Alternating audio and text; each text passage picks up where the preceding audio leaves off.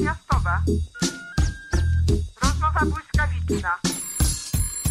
Sylwia Chudnik i Magdalena Parys. Dzień dobry. Z tej strony wita Was Magdalena Parys. To już nasz dwunasty odcinek. Witamy Was bardzo serdecznie.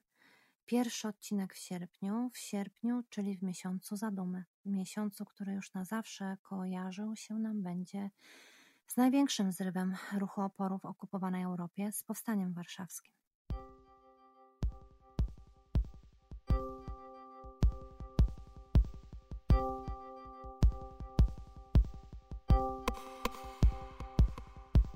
Deszczu srebrne gałązki rosną, jak gotyckich krużganków motyl. Ptaki dzwonki zielone niosą na przejrzystych wstążeczkach lotu.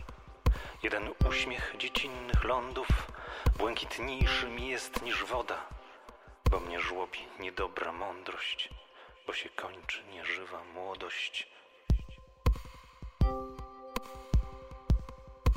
Kurant jeszcze spnącej się wieży, wzgórz zielonych faluje dywan i poznaje miasto w obłokach. Nie wiem tylko, jak się nazywa.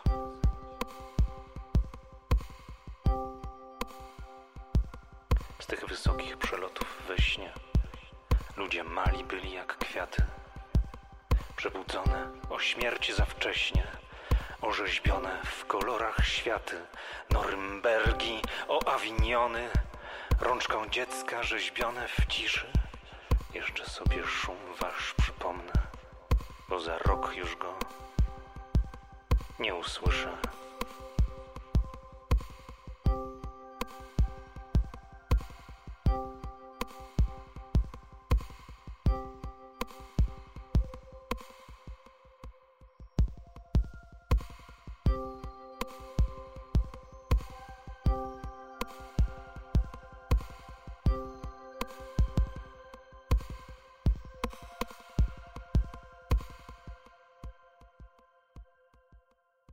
Na pewno wielu z Was rozpoznało to wiersz Kamila Baczyńskiego Westchnienie. Wykonał go berliński dziennikarz Piotr Olszówka, a podkład muzyczny pochodzi od muzyka, kompozytora i producenta muzycznego Grzegorza Olszówki. Dzisiaj, jak się już domyślacie i chyba też słyszycie, będzie nieco inaczej niż zazwyczaj, e, ponieważ Sylwia jest w trasie. Właśnie jedzie na festiwal literacki do Szczebrzeszyna, ale nie, nie, nie ma lekko i nie ma mowy o pauzie. Nagrała się z trasy i można powiedzieć, że gości dzisiaj samą siebie we własnym podcaście. E, nasz odcinek będzie bowiem spokojniejszy niż zazwyczaj. No, trudno, żeby tak nie było, skoro nie ma Sylwii, a ja jestem tutaj sama na posterunku, zatem będzie taki trochę bardziej wyważony. No, nie będzie śmiechów, pisków, chichów, no a sporo powagi. A to wszystko z powodu tematu, który dzisiaj wybrałyśmy. Dzisiejszy temat. Depresja to nasz temat. Y, wiem, że są wakacje, jest lato, świeci słońce, swoboda, relaks, odpoczynek, a my tutaj wychodzimy z takim trudnym leitmotywem. No ale depresja to choroba i nie jest uzależniona od wakacji, słońca i temperatury. Zresztą podobnie jak COVID, y, zwane koroną, bo zanim przejdziemy do naszego głównego tematu, chciałabym powiedzieć parę słów o pandemii, bo po prostu nie mogę. No muszę na ten temat parę słów tutaj rzucić weter. Ja w ogóle myślę, że wszystkim nam należy się oddech po tych ciężkich, pełnych lęku i niepewności miesiącach. Sama też byłam na urlopie i myślę, że rozkoszowałam się nim niezmiernie, ale byłam na tym urlopie jak najbardziej zaopatrzona we wszystko, co trzeba, czyli przede wszystkim e, w maseczki i w zdrowy rozsądek. A tymczasem widzę, że niestety ostatnio nie, że ja jestem taka mądra i nie, nie, ale sądząc po zdjęciach z plaży z Sopotu czy z, e, z Władysławowa, no niestety wielu z nas zapomniało o tym, co nam wciąż grozi. A zatem o czym zapomniało? No tak, o maseczkach, o zachowaniu bezpiecznego odstępu i tak dalej. Oczywiście żeby nie było tak, że jak zwykle oczywiście się tutaj wywyższam i widzę tylko Polskę. E, e, oczywiście dotyczy to nie tylko Polski. W Berlinie też e, wszyscy zmagamy się, no niestety, z niemałym problemem. Mm, otóż w ubiegłą sobotę pojawiło się 20 tysięcy demonstrantów. Ja tutaj szeleszczą kartki, dlatego szeleszczą, bo ja się tutaj troszeczkę posiłkuję różnymi danymi i liczbami. Dzisiaj będzie sporo liczb e, w naszym podcaście. Ale o co chodzi? Otóż w ubiegłą sobotę w Berlinie pojawiło się około 20 tysięcy demonstrantów i ogłosili, uwaga, uwaga, tak, koniec pandemii.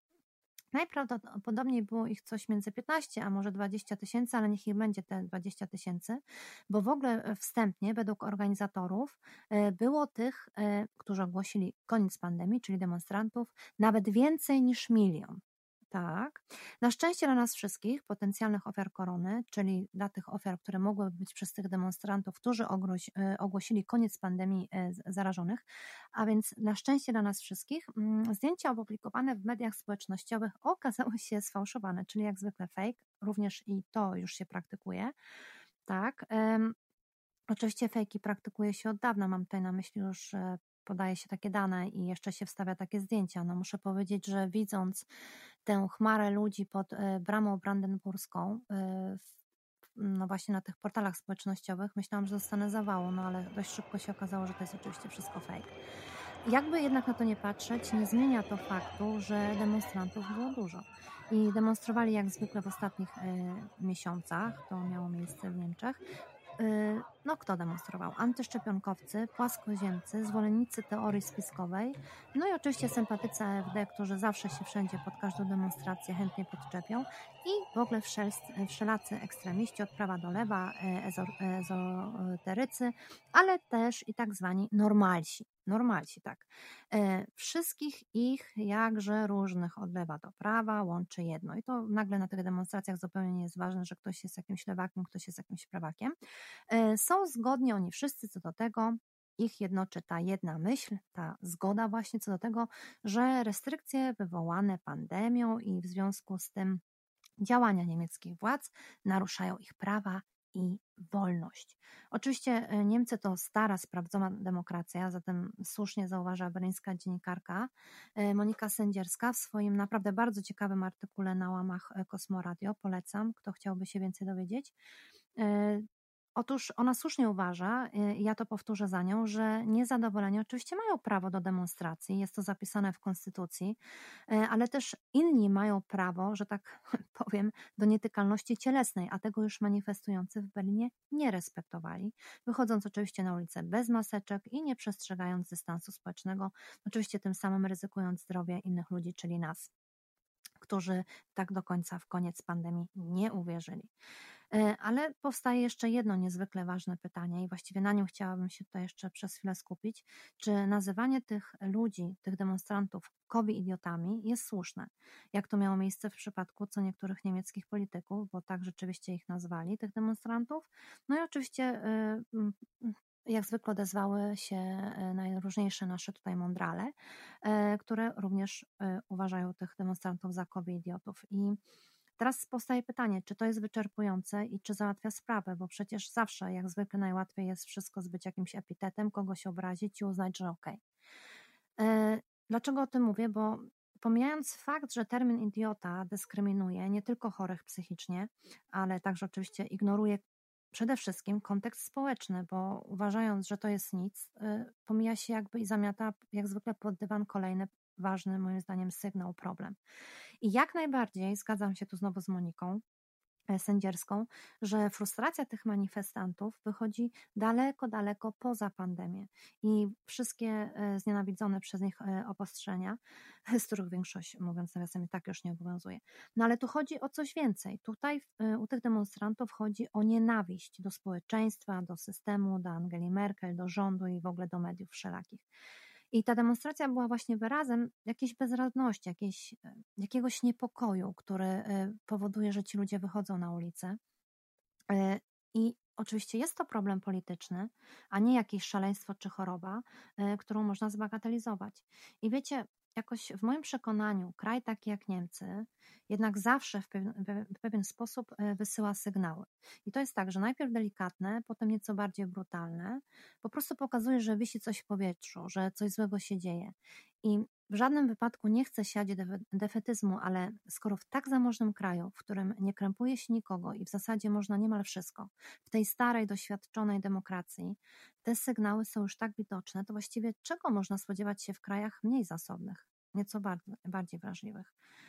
No, nie wiem, y, aż strach się bać. I jeszcze na koniec, zamykając ten temat i za sekundkę dosłownie przychodząc do naszego głównego tematu i oddając głos Sylwii, e, chciałabym przypomnieć o takiej o demonstracjach, które miały miejsce parę lat temu, jakieś 5-6 lat temu, e, kiedy mm, konflikt uchodźczy sprawił w Niemczech, że na ulicę zaczęli wychodzić najróżniejsi ludzie. E, przede wszystkim w Dreźnie i w wielu innych, a później w paru innych miastach we, wschodnich Niemczech.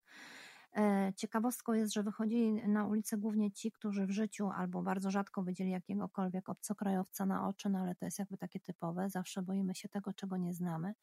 Mm, ale jakby pomijając ten, e, ten fakt, e, ci ludzie wychodzili na ulicę i wtedy też oczywiście nazwano ich i obrzucono ich najróżniejszymi epitetami, ale wśród tych demonstrantów było bardzo, bardzo wiele osób, tak zwanych znów, znów że posłużę się tym terminem normalsów.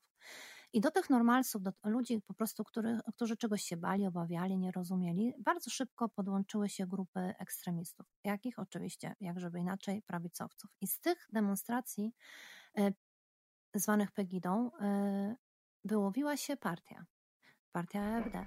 Powstała partia AfD, czyli e, skrajnie prawicowa, skrajnie prawicowa partia, która dzisiaj, moi kochani, to trzecia do wielkości partia w Niemczech. Po CDU i Zielonych ta najważniejsza i naprawdę e, nie obawiająca się mm, porównań do najbardziej czarnych, naprawdę e, mrocznych czasów Niemiec. Jak zwykle tutaj zbaczam na temat e, przeze mnie ulubiony i Sylwia jak zwykle by mnie przywołała do porządku, ale jej nie ma, więc dlatego hulaj, dusza, piekła nie ma i jak zwykle wracam do faszyzmu. Ale być może to powoduje, że ja tych demonstrantów nie traktuję tak lekko i nie podchodzę do tej tematyki tak lekko jak e, większość e, osób, czy właściwie, no nie wiem, nie wydaje mi się, że oni w tej chwili lekko do tego podchodzą, są już bardziej przewrażliwieni, bo wiadomo, że demonstranci, e, demonstranci na ulicach, nawet ich niewielka liczba, to zawsze jest jakiś sygnał i to jest zawsze jakiś powód do niepokoju. Temat. Depresja.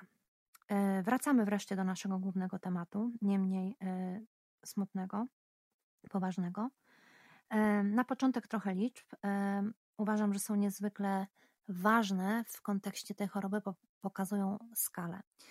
E, depresja znajduje się po bólach kręgosłupa w tej chwili na drugim miejscu na świecie wśród najbardziej powszechnych chorób i najczęściej diagnozuje się ją w wieku między 20 a 40 rokiem życia. Ja sobie tutaj przygotowałam takich e, parę statystyk, które są naprawdę zatrważające. Mm, tak jak mówię, e, między 20 a 40 rokiem życia e, to właśnie wtedy najczęściej się tę chorobę diagnozuje. I jest to o tyle przerażające, bo to są właśnie osoby w wieku produkcyjnym, dlatego koszty społeczne i ekonomiczne depresji są tak wysokie. Choruje dwa razy więcej kobiet niż mężczyzn i około 800 tysięcy y, jest w tej chwili w Polsce leczonych farmakologicznie. Ogólnie w Polsce mówi się o półtora milionie osób chorych i żeby wyobrazić sobie tę skalę, to prawie tyle osób, ile mieszka w Warszawie. To w tej chwili, jeśli mówimy o półtora milionie osób chorych, to około 4% ludności polskiej, ale już oficjalnie na różnych sympozjach i tak dalej mówi się, że to raczej jest 10%. E, to są takie nieoficjalne szacunki, e, ale przyjmuje się jednak tę liczbę, że jest ona bardziej prawdopodobna, no ze względu na to, że nie wszyscy się leczą farmakologicznie, czy zgłaszają e, się z chorobą, trudno ją dokładnie określić. W całej Europie natomiast mówi się o 83 milionach, to są dane z 2018 roku, czyli to szacunkowo około 27% ludności europejskiej, a na całym świecie 400 milionów e, osób, czyli około 5% ludności świata i co ważniejsze, około 9%, gdy pod uwagę weźmie się również stan e, najróżniejszych innych lęków i niepokojów.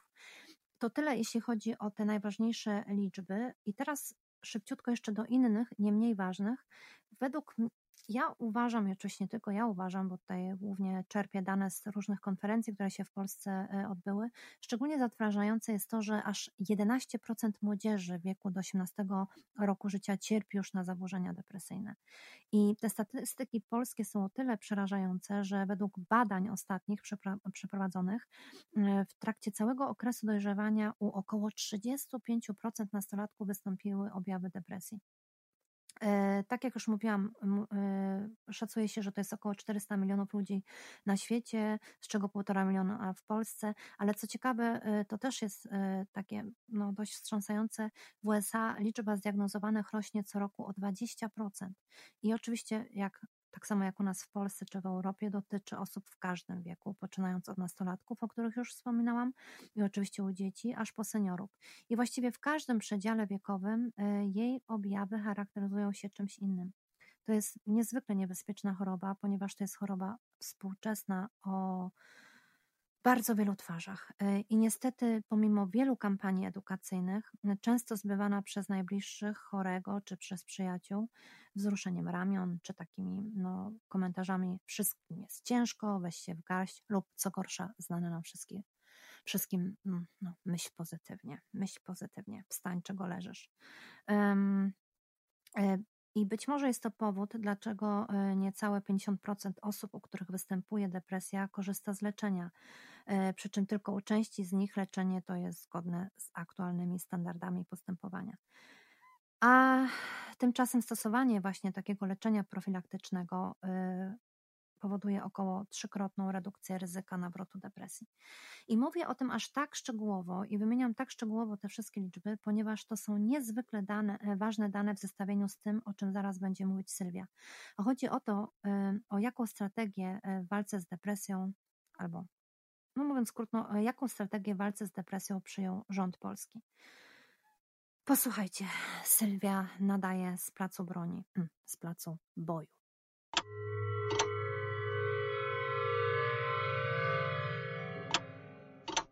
My to rzeczywiście jesteśmy z Magdą Parys idealne e, wakacyjne dziewczyny, e, ponieważ w czasie urlopów, rozjazdów, zresztą my również e, podróżujemy, mi udało się pojechać na festiwal literacki. Przede mną jeszcze jeden. Jestem bardzo tym podekscytowana, że zobaczę ludzi.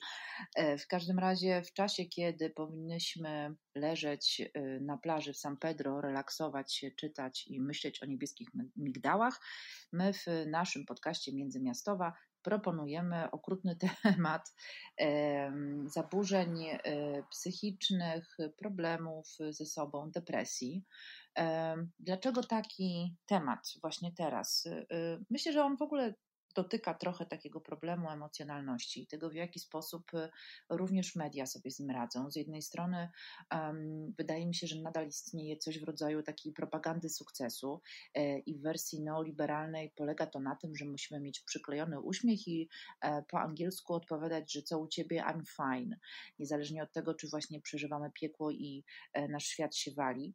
Ten uśmiech y, ma sugerować nieustające przygotowanie do życia w społeczeństwie, przede wszystkim do życia w pracy, wydajności, e, tego, abyśmy cały czas były i byli przygotowani do e, roboty. Nie ma tu czasu na jakieś e, płócienie, problemy sytuacje, w których po prostu jesteśmy niezdolne i niezdolni do pracy.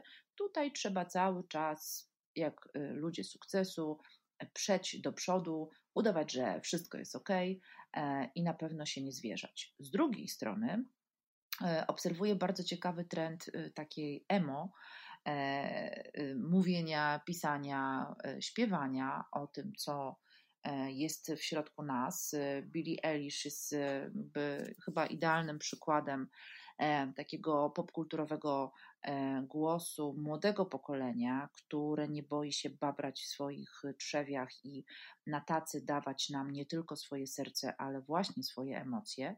E, jest również wiele osób w Polsce, które na tych emocjach pracują. Myślę, że Gosia Halber jest takim przykładem osoby, która przede wszystkim w mediach społecznościowych, no ale również w jej e, książce e, Najgorszy człowiek na świecie, pokazuje, że mówienie o tym, co tak tak naprawdę myślimy, jest czymś rewolucyjnym i przełomowym. Być może właśnie dlatego, że skoro świat y, e, oczekuje od nas, że będziemy wspaniali, e, weseli, radośni, no bo przecież mamy wokół siebie tyle rzeczy, e, no to mm, mówienie o tym, że tak jednak nie jest, jest no takim, powiedziałabym, wkładaniem patyka w tryby machiny.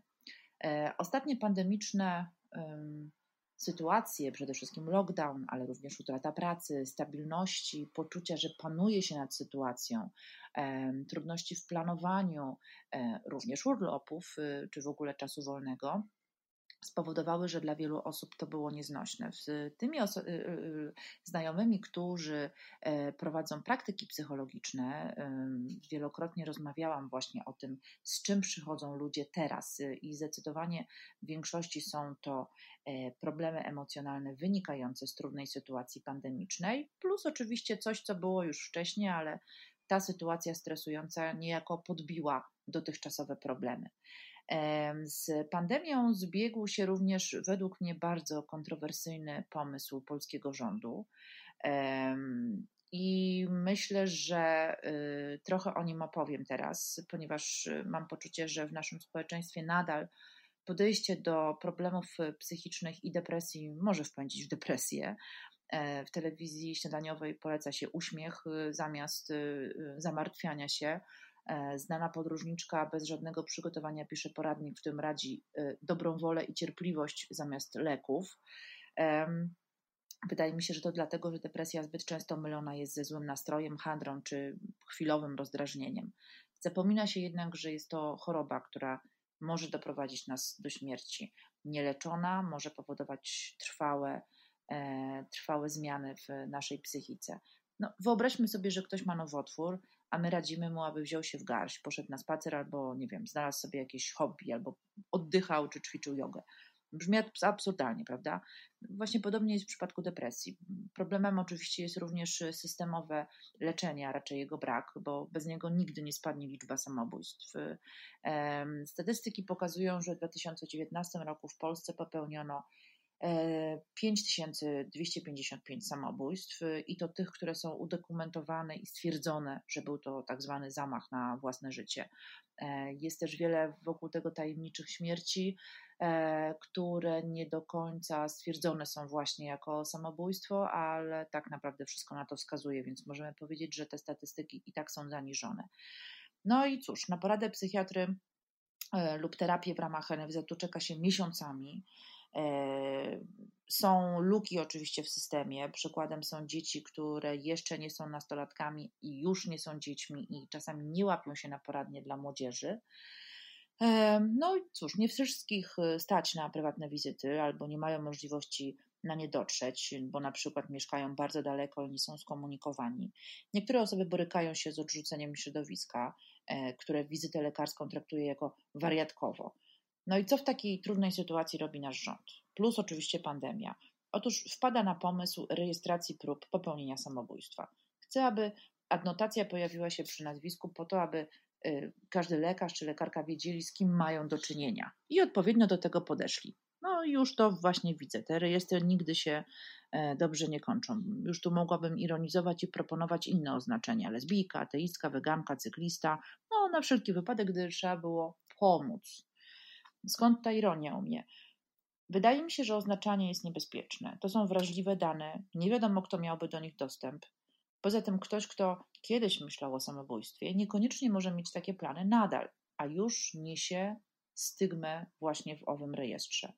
Specjaliści i specjalistki załamują ręce nad tym problemem i nad tym rozwiązaniem, bo zamiast działać profilaktycznie, rząd chce mieć oko na wszystkich podejrzanych, ale kompletnie nie ma pomysłu, co z nimi dalej robić. W wyniku pandemii nasze zdrowie psychiczne nadal jest w zagrożeniu. Wiele osób, tak jak mówiłam wcześniej, potraciło lub zaraz straci pracę. Podobno właśnie sierpień dla budżetówki będzie najgorszym miesiącem. Zobaczymy. Mm, posypały się związki, przyszłość jest ogólnie niepewna, ale ten spis samobójców to jest absurdalne tworzenie listy stygmy, w której ignoruje się systemowe leczenie, oraz na przykład wcześniej już przeze mnie wspomniane mm, e, y, problemy z poradami i w ogóle psychiatrą dziecięcą. ale też geriatryczną, tak zwaną, czyli dla osób starszych, które bardzo często są na przykład ofiarami przemocy. E, ignoruje się również powody, dla których ludzie y, chcą odbierać sobie życie. Nie ma wśród nas y, na przykład ofiar homofobii, takich jak Dominik Kacper Milo. Co robi rząd? Szczuje na osoby LGBT. Brawo. To na pewno przyczyni się do poprawy sytuacji. No ale cóż, potem będzie można postawić przy naszym nazwisku literę S i w razie czego przepisać spotkanie z przyjaciółmi lub optymistyczne podejście do życia. No i właśnie to jest y, odpowiedź y, na to, co robić z osobami, które z różnych przyczyn y, przeżywają kryzysy psychiczne. E, robienie z nich rejestru, który nie wiadomo jakby do kogo trafi, w czyje ręce i czy nie stanie się jakimś kolejnym elementem po prostu szantażu na przykład, mm, no wydaje się jakby okropnym pomysłem. Myślę sobie o tym wszystkim jadąc y, y, do pracy na festiwal y, literacki, ciesząc się jednocześnie, że ograniczenia trochę zelżały, ale też z grozą patrząc na to, że większość osób nadal nie nosi maseczek. No bo Podobno pandemia już przeszła. Y, zastanawiam się, czy y, problem, który być może za chwilę będzie nie tylko w Polsce, ale też u Ciebie, Magdo, w Niemczech, czy w ogóle w krajach europejskich albo na całym świecie, czyli powtórne zamknięcie w domu, w domach, nie spowoduje, że ludzie naprawdę y, będą czuli już frustrację i ten problem z kryzysem psychicznym się wzmoży. E, bardzo boję się tego, że system opieki nad takimi osobami w Polsce szwankuje. Bardzo się takiego rejestru samobójstw y, y, boję. No bo właśnie nie o tworzenie list chodzi, ale o profilaktykę albo bardzo skuteczną i co najważniejsze, szybką pomoc w różnych sytuacjach zagrożenia. No ale oczywiście mowa nienawiści, którą słyszymy od polityków, polityczek i w ogóle w przestrzeni publicznej, to naprawdę zaszła już bardzo daleko. E, też sprawia, że te wszystkie osoby, które nie pasują do normy, po prostu będą się z niej chciały wypisać i to w takim najbardziej okrutny, okrutnym sposobie, okrutny sposób. Mm, mimo tego bardzo, bardzo e, cieszę się, że coraz częściej się o tych emocjach mówi. Może to jest jakiś sposób na to, żeby trochę upuścić sobie tej frustracji i gniewu w sobie, ale też tych problemów, które czasem, nie wiem, wstydzimy się powiedzieć, boi, boimy się, że kogoś tam, nie wiem, to nie będzie interesowało, albo obarczymy naszymi problemami e, inne osoby. Tymczasem, no, nic chyba tak dobrze nie robi, jak po prostu pogadanie i szukanie wsparcia. Nie ma w tym nic wstydliwego, nie ma w tym nic stygmatyzującego. E, chciałabym, żebyśmy w, mówili o emocjach, ale też tych dobrych. Nie wstydzili się, że płaczemy na przykład ze szczęścia, mm, bo dzięki temu to wszystko będzie bardziej prawdziwe, a nie ułudne niczym wspaniały filtr na Instagramie. Całuję Was bardzo mocno. Magdo, Ciebie ściskam wyjątkowo. E, biegnę na festiwale e, i do pracy. No i cóż, mam nadzieję, że e, nie będę musiała potem siedzieć w domu w związku z tym, że jak wiele osób y, coraz częściej wychodzi na zewnątrz, no i niestety nie pamięta o podstawowych zasadach, jak odstęp, czyli ten dystans społeczny i maseczki. Mam tylko nadzieję, że ten owy dystans społeczny nie będzie dystansem emocjonalnym, czego sobie i Wam życzę. Całusy! No i dobiegliśmy do końca naszego dzisiejszego podcastu, naszej dzisiejszej rozmowy. Dziękuję Ci, Sylwio, kochana, chociaż mnie nie słyszysz, tęsknię za Tobą, wracaj. Dziękujemy Wam bardzo, do usłyszenia i już za tydzień znów razem z Sylwią. Bye, bye, bye, bye. Do widzenia.